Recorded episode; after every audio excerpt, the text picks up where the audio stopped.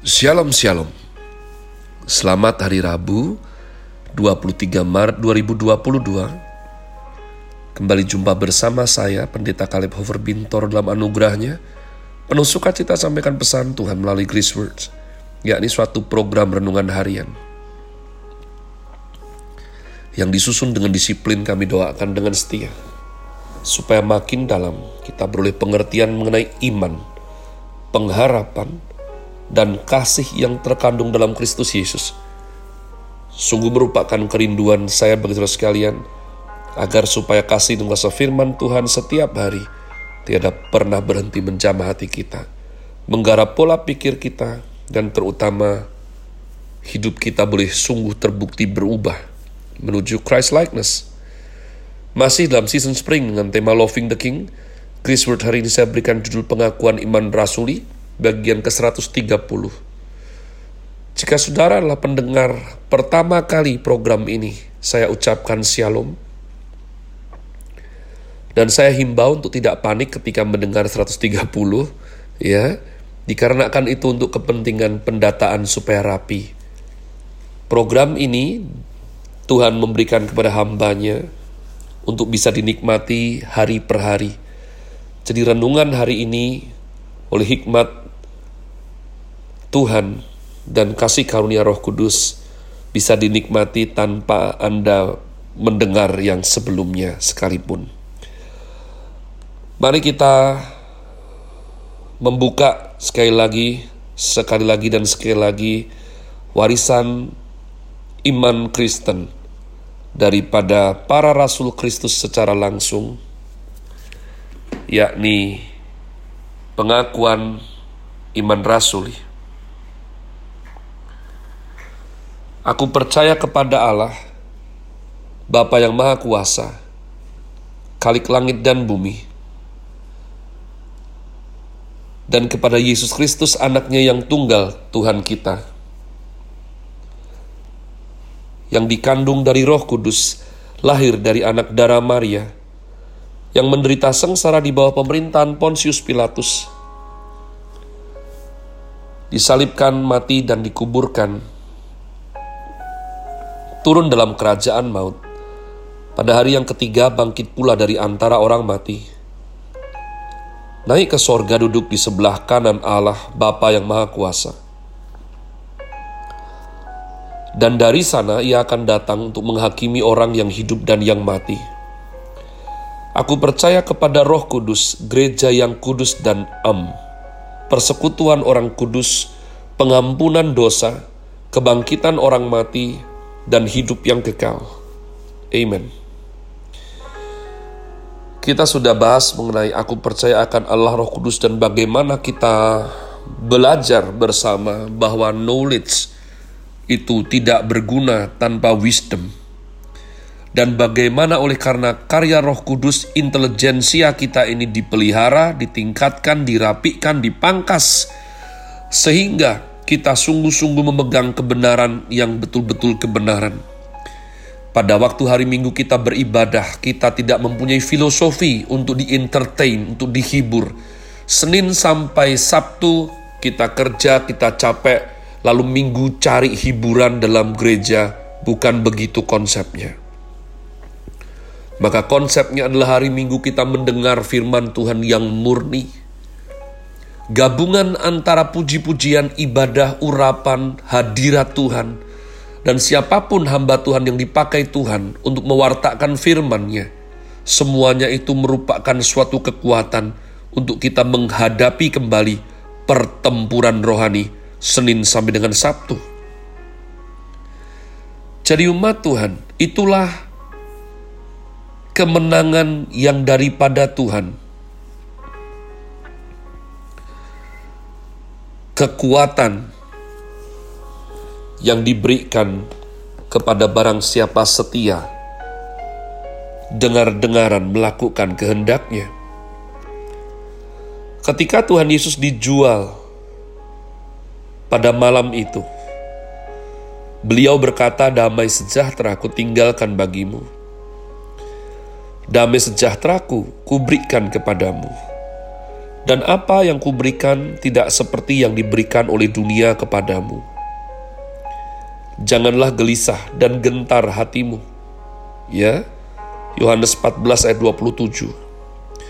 Nah, Roh Kudus adalah roh kebenaran. Dan kebenaran adalah damai sejahtera sejati dari Kristus umat Tuhan. Dan dengan damai sejahtera seperti itu, Tuhan Yesus menghadapi salib. Tidak takut, tidak gentar. Dan dengan tenang, walaupun ancur-ancuran sengsara ia. Tapi beliau tidak pernah kehilangan sikap anggunnya. Memikul salib sampai Golgota dan dengan tenang dan damai sejahtera ia dipaku di atas kayu salib. Tidak berteriak-teriak, tidak mengkutuk, tidak bersungut-sungut, rela menerima. Pada saat itu, Tuhan menyatakan damai sejahtera yang ia katakan. Itulah damai sejahtera yang diberikan kepada manusia. Damai sejahtera yang berlainan dengan damai sejahtera manusia Siapakah orang yang seperti Tuhan Yesus yang ketika disalibkan sama sekali tidak berteriak-teriak, tidak mengomel, melainkan diam, tidak berkata satu kalimat pun. Tuhan dengan tenang menyerahkan diri, kedua tangan dan kaki diangkat, ditancapkan dengan paku yang begitu mengerikan seluruh tubuh tergantung pada beberapa lubang paku. Dan dia tidak berteriak. Sebaliknya dia berkata, Ya Bapa ampunilah mereka, karena mereka tidak tahu apa yang mereka perbuat.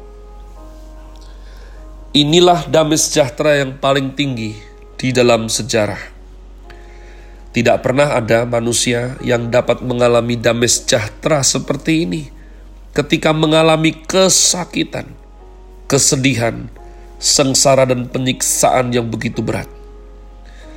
Tuhan berkata, Israel mencobai aku, maka aku tidak akan membawa mereka masuk ke dalam damai sejahtera itu.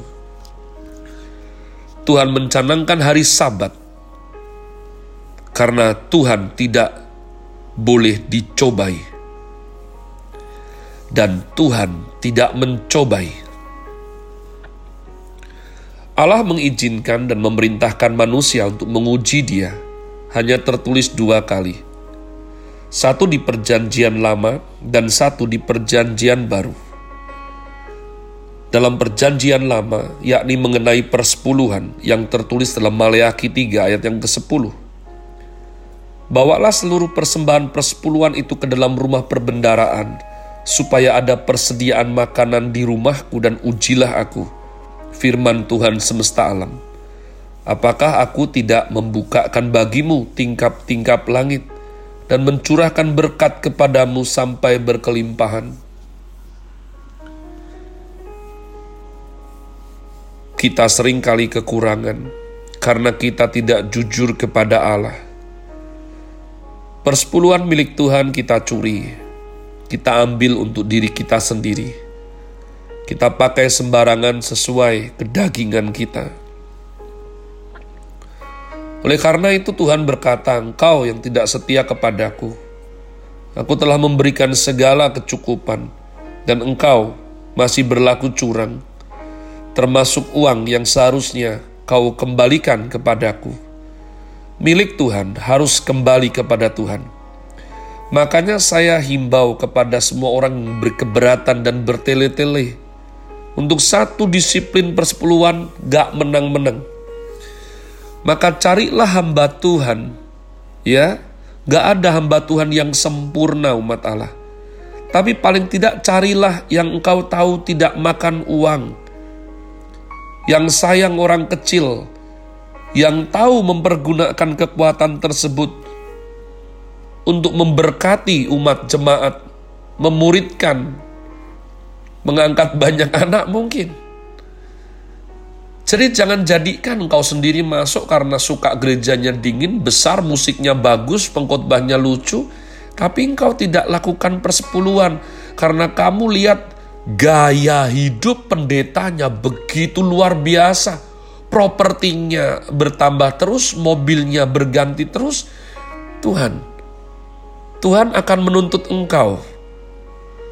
Karena persepuluhan ini disiplin anak Tuhan pribadi lepas pribadi. Jika engkau sungguh-sungguh setia memberikan uang Tuhan kembali kepada Tuhan, Tuhan akan menepati janjinya ini adalah janji Tuhan dan ditulis dalam Alkitab. Hamba Tuhan yang tidak jujur, melayani Tuhan dengan tidak menghiraukan, ya, kepentingan umat yang lain pasti hancur umat Allah. Kalau dia tidak hancur, justru ngeri.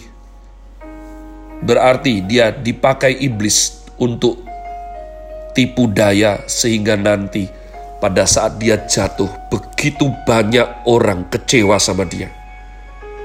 Tapi hamba Tuhan yang jujur, yang melayani Tuhan dengan tidak hiraukan untung rugi sendiri, tidak mementingkan hidup mati diri sendiri, tidak menghiraukan sakit sembuh sendiri, melayani Tuhan dengan setia. Tuhan tidak mungkin biarkan dia miskin, kekurangan, Tuhan akan pelihara dia umat Allah. Saya mengalaminya. Dulu pernah saya pengen kaya sekaya-kayanya. Seperti beberapa oknum orang pendeta. Cara Tuhan tidak seperti itu. Saya juga pernah khawatir apakah hari esok bisa jalan karena hari ini di kas tidak ada dana sedikit pun. Tapi Tuhan itu setia umat Allah. Tuhan itu sungguh memegang perjanjian. Jadi, ini semua merupakan karya Allah Roh Kudus. Hati kita ini kalau tidak dikerjakan oleh Allah Roh Kudus tidak bisa. Kita akan kembali jatuh, kembali miring, geser goyah, dan tidak akan pernah mencapai tataran mengasihi Tuhan dengan segenap, segenap, segenap, segenap hati, segenap jiwa, segenap akal budi. Saya berdoa sungguh agar Allah Roh Kudus mengerjakan di hatimu, sehingga engkau beroleh roh yang sayang Tuhan, roh kebenaran, dan melakukan apa yang menjadi titah Sang Raja. Have a nice day. Tuhan Yesus memberkati saudara sekalian. sola. Grazie.